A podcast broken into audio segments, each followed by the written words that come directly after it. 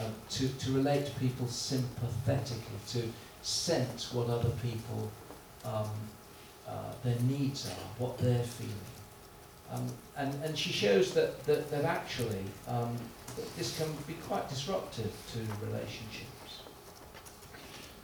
And uh, again, it isn't hard to see why. You're so busy thinking about yourself, who cares about others? And and the, the other area is, is that this can lead to, um, uh, it can reduce our capacity for learning and exploration and risk taking because the self becomes protective of its own esteem. So once we acquire a little esteem and sense of worth, we find we need to protect it in case it is damaged in any way. And this, of course, leads to our current culture.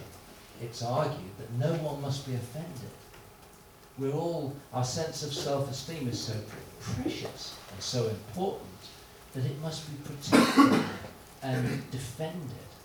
And so we have these ludicrous, in my humble view, situations on campuses of all places where speech is being restricted or potential offences has to be heavily signalled in case anybody's very vulnerable and very precious sense of self-worth may be destabilised or, or, or, or confronted or challenged in some way.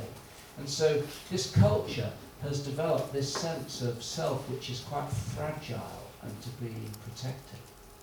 And at a personal level, this can produce in children an avoidance of exploration, risk taking, learning. And there's a psychologist called Carol Dweck, who many teachers um, will have read her work. I think it's quite good. In which she shows that children um, who, are, who are affirmed in terms of their status, um, their, their, their specialness, uh, tend to become, uh, demotivates their learning. Let me give you an example. You take a group of children and you divide them into two groups. The first group, and then you give them tasks to do. The teachers encourage the children in two different ways. In this group, the children that do well, the teachers affirm their specialness. So they say, wow, you're intelligent. Um, you seem to have a special gift about this. Um, I love the way uh, you, you did that. There's something special here about you. Um, and so they're affirming their, their, their, status, their qualities. Um, the second group doesn't do that. It, it encourages the children differently by affirming their efforts. So you say, I really like, you, you worked hard at that. I love your motivation. You know, keep going. What, what do they say if at first you don't succeed? Try, try again. You've sort of sensed that. Keep, keep going. You worked at that. I mean, this wasn't so good, but I think if you if you have another go at that. So what we're doing is we're we're comparing status approval versus effort approval. And then what you do is you take these same kids and you say, now we want you to do some more um, tasks and take some tests, but you can choose how difficult it is. Okay? And the, the children in this group who've been told how special they are, quite unequivocally tend to choose the easier tasks. Because you see, if you've been told you're a prince, you don't want to discover you're a frog. I remember, I remember this quite um, brought home quite graphically when, when we were skiing at, uh, at the end of a conference, and a few of us friends went skiing, doctors.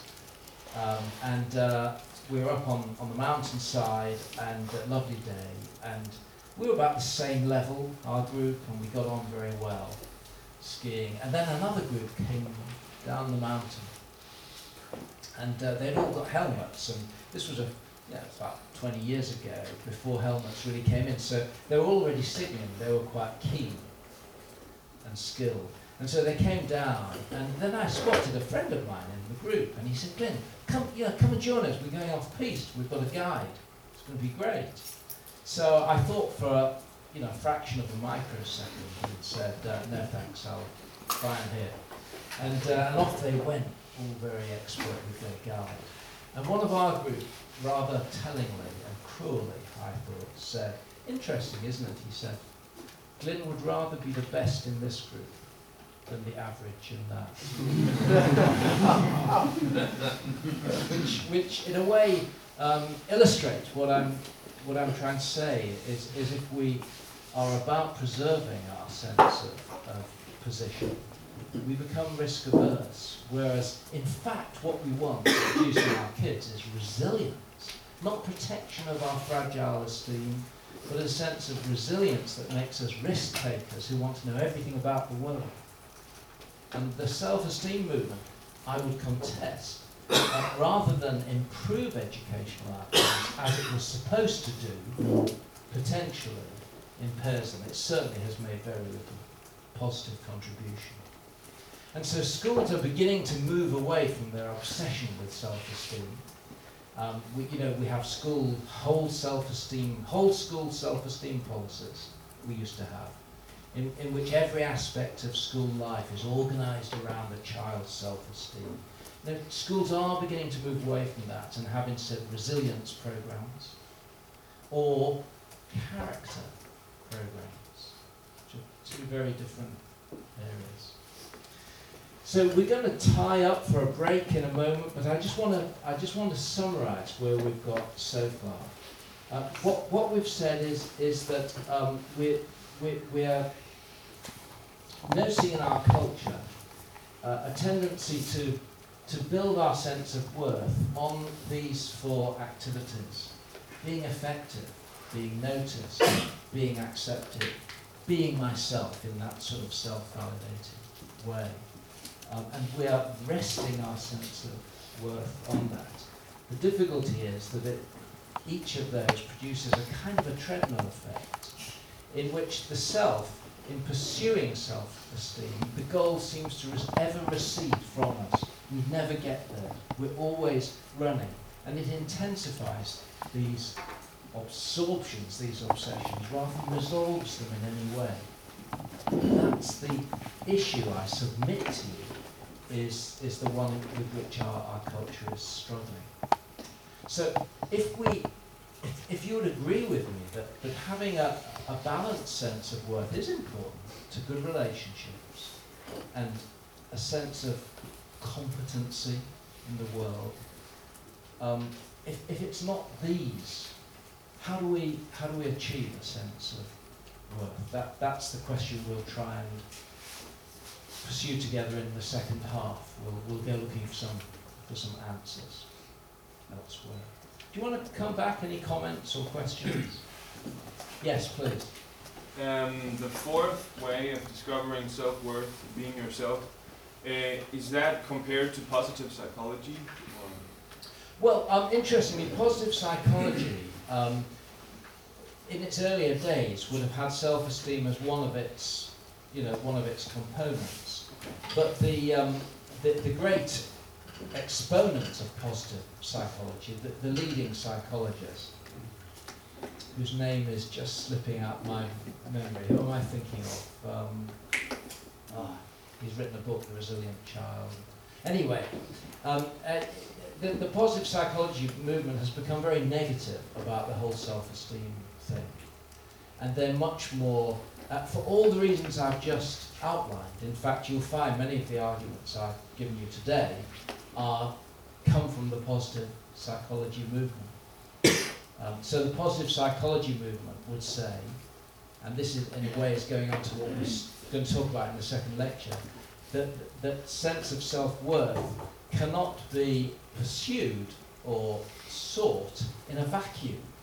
It has to be experienced as part of a thicker sense of who we are a thicker sense of identity and therefore integrated into a, a, a richer narrative of who we are and what we're about than simply me. So the positive psychology movement would say we, we, we, we, we, we discover a more meaningful sense of work when the work when the self pursues a bigger goal, a better goal than simply what makes me feel good. So I think it says some quite interesting things and some helpful things. the question we would all want to ask as worldview people, as people who are who like to stand back and say, but but what is that bigger goal that the self should aim for? What is the narrative of ourselves that leads to human flourishing? The question we all ask is, well, what is that? What's the philosophy of life that creates that? And positive psychology sort of leads us there, but then it stumbles into philosophy. This isn't science now, we're talking about the nature of the human self, aren't we? That's philosophy, and indeed, as we're about to see, religion as well. So, um, yeah, so a great point about that. Any other points?